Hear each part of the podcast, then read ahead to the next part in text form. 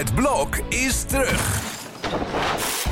Vier koppels, vier bouwvallen, vier verbouwingen en dus een hele hoop stress. Het blok, iedere werkdag om half negen bij net vijf.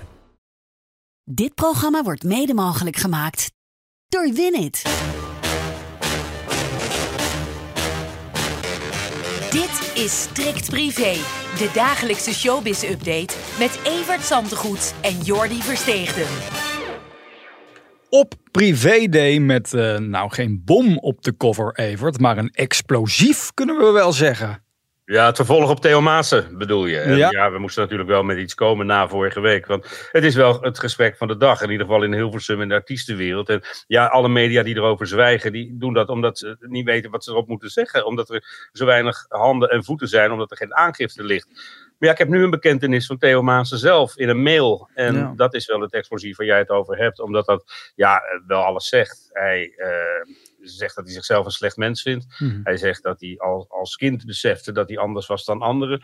Ja, en wat ik zelf wel interessant vind om te lezen, en veel mannen met mij denk ik, dat is de versiertruc van Theo Maassen. Hoe krijgt hij die vrouwen daarbij naar huis? Ja. Nou, eh, na een hele tijd om die Angela heen gedraaid te hebben, Angela is de minnares die nu deze week haar verhaal doet, stuurt hij een sms'je en zegt hij, ja, of we gaan tot de grens en we gaan naar de bioscoop, of we gaan ver over de grens en je komt bij mij thuis een film kijken. Tja. Ja, ik vind het redelijk Bizarre tekst. Ja. en eh, nou, je mag raden hoe het afgelopen is. Ja. En eh, toen begon natuurlijk die, eh, die langdurige affaire. Ja. Vorige week wees iedereen naar Angela als de vertelster van, van het hele verhaal. Dat was echt niet zo. Mhm. Ik zeg nooit wie de bronnen wel zijn en wie dat niet zijn.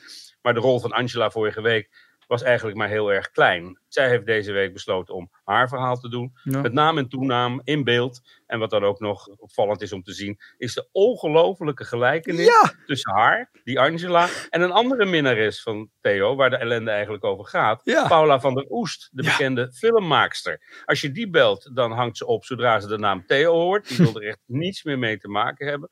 Maar deze Angela dacht van, nou, dan doe ik maar één, nu toch op straat ligt, doe ik maar één keer mijn verhaal. Ja. En dat is deze week. En dat zal deze week opnieuw voor beroering zorgen. ja, de kans is wel groot dat als Angela nu de straat op gaat, dat ze hierop aangesproken gaat worden natuurlijk. Dat neemt zij dan voor lief, dat, dat, dat ze dat nu deelt in, in de privé? Ja, ja, Ja. dat neemt ze ook lief door het met vriendinnen delen van, eh, van haar verhalen. En Ja. Vorige week heeft ze het gelezen, ze vond het goed gebracht. Hm. Deze week ook trouwens, ze is er erg tevreden over. En het is haar verhaal en dat neemt niemand eraf. Dan is nu de vraag, hoe gaat de VPRO hierop reageren vandaag? Dat moet toch Nu wel er een bekentenis ja. van Theo ligt. Ja, dat is eh, maar even de vraag in die kring. Ik ben daar niet zo in thuis. En Hm. als je ziet hoe iedereen daar elkaar de hand boven het hoofd houdt, Hm. dan eh, zou ik me niet verbazen als ze opnieuw heel erg stil blijven. Ja. Maar dat hangt een beetje af van de publieke opinie ook, vermoed ik. Ja, wat gaat Johan Derksen zeggen vanavond? Die noemde het De jaren voor- van Johan Ja. Derksen. Nou, ik maak me geen illusies. Zullen we dan wel maar even voor hem zingen, want er is wel een reden. Want hij is vandaag 75 geworden. De man is, de man is al zo vaak jarig, dit is toch geen nieuws meer? Maar toch, we hebben jarigen verdienen van ons dat, dat liedje even zingen. De strikt privé jarige van de dag. Hiep hiep, hoera! Ja, hij noemt het de meest verschrikkelijke dag van het jaar voor hem. Hè? Hij houdt er helemaal niet van om jarig te zijn, hè, onze Johan. Dus ik ben- toch wel Nee, benieuwd. hij houdt ook niet van prijsuitreikingen, daar staat hij ook voor. Ja, hij en ik hebben niet zo heel veel met elkaar, Oh. geloof ik. Dus, eh, wens hem een mooie dag en een nog mooier jaar. Ja, dan gaan wij het hebben over Jeroen Pauw. Want eh, die mogen we denk ik wel. Zeker weer naar gisteravond. Wat zat hij er toch lekker in, hè, weer als talkshow-host. Ja, hij vond dat zelf wel niet. Dat had beter gekund zijn in de afloop, in shownieuws. Ja. Maar ik vind die man toch altijd een plezier om naar te kijken. De juiste toon, de juiste vragen. Een kwinkslag hier, iemand op gemak stellen daar. Eh, als Galit kijkt, dan zou ik zeggen, ja joh, Mhm. zo had je het moeten doen. En dan afgezien nog van de dingen die hij niet had moeten doen, Ja. denk ik dat het programma nog wel eens wat zou kunnen worden als Jeroen op de plek van eh, Matthijs van Nieuwkerk gaat zitten. Maar ik zie het hem niet 1, 2, 3 doen. Bovendien, daar hebben we al iemand anders voor aangenomen bij de NPO. Eva. Ja, precies. Ja, toch, eh, ik sprak Jeroen eh, gisterenochtend en toen vroeg ik hem ook van... joh, zou jij dan eventueel die late avond nog willen overnemen in de toekomst? Toen zei hij, nou nee, ik heb gewoon een leuk leven, dat hoeft van mij verder niet. Maar s'avonds Nee. in shownieuws hield hij toch wel weer even die deur op de kier.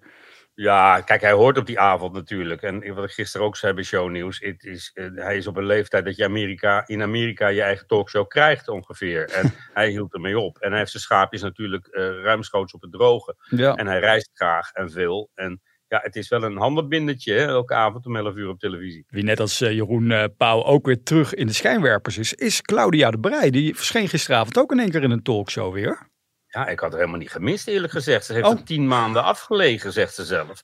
Denk ik, ja, ik had helemaal niet het idee dat zij nou zo weinig in beeld was. Maar dat blijkt dus wel het geval te zijn. Nou, gelukkig had ze net daarvoor een lucratief boekje over Amalia geschreven. Heeft ze Oh, echt ja. heel veel geld mee verdiend. Oh ja? En eh, ja, ja, dan kun je het je permitteren om een jaar niks te doen. Maar het was ook erg noodzakelijk, geloof ik. Want ze had een burn-out. En Hm. twee katjes, die hebben er eruit gesleept. en eh, nou, dat, dat is mooi. Dat is eh, een goede therapie, Ja. kennelijk. Nou, het is wel opvallend dat dat dus na die oudejaarsconferentie van haar is gebeurd. Misschien heeft dat er dan wel stevig ingehakt dat de druk Nou, de kritiek was ook niet mals. En dat Ja. trek je natuurlijk aan als je een jaar lang je ziel en zaligheid in een oudejaarsconferentie gelegd hebt. Maar nogmaals, ik, ik had er niet erg gemist. Nee. En in de tussentijd heeft ze zitten legoen. en die katjes netjes opgevoed. Oh, Ja. En nou is ze er weer. Nou, dat is het goede nieuws. Ja, nou, wie er ook weer een klein beetje is, of althans thuis, dat is Catherine. Maar het gaat nog niet zo heel erg goed met haar, hè, geloof Het ik. blijft een groot mysterie wat er met haar aan de hand is. En je Ja. leest de meest verschrikkelijke dingen in buitenlandse bladen. Uh, zo langzamerhand. Ja, alle darmaandoeningen komen wel voorbij. Ja. Zelf hebben ze eh, kanker uitgesloten. Maar dan blijft er nog genoeg over. En echt heel vervelende kwalen die de rest van haar leven gaan beheersen. En eh, ja, aan dat gespeculeer doen we nog maar eventjes niet mee. Mhm. Maar het is wel raar dat het paleis zelf niet zegt wat er aan de hand is. Want juist eh, mediacode en alles, de oranjes, die verstoppen ook alles achter die mediacode. Hm. Maar zodra er iemand in het ziekenhuis ligt, zijn ze altijd heel erg open en vertellen ze precies wat er aan de hand is. Ja. Dat is in Engeland ook het geval. Kijk maar naar koning Charles. Maar bij Catherine niet. En dat geeft te denken. Hm, het hele verhaal eh, lees je deze week uiteraard in privé. Tot slot dan nog even, hoe gaat het eigenlijk dan met de gezondheid van Beatrix, die vandaag jarig is? Nou, die mag niet klagen volgens Nee. mij, hè? Die wordt toch echt eh, 86 vandaag. Ja. het is een behoorlijke leeftijd, maar zij skiet nog. Ze Ja. rijdt nog paard. Ze is eh, behoorlijk druk met afspraken in het land. Ja, petje. Ja, absoluut. En het schijnt zo te zijn dat ze vandaag een stukje saggertorten gaat eten, omdat dat haar favorietje is. Dus eh, ben de... Hier of in Wenen? Eh, ik geloof thuis. Ze gaat het in huiselijke Oh, kring vieren. Nou ja, we weten hoe het er daaruit ziet. Dus ik ben, eh, ben benieuwd. We feliciteren haar bij deze, op deze privé-day. Ik zeg. Haar en Johan Derksen. Nou, Ja, het is privé-day. Dat is ook een feestelijke dag. Hollen naar de winkel zou ik zeggen. En dan zijn we er morgen weer. tot dan.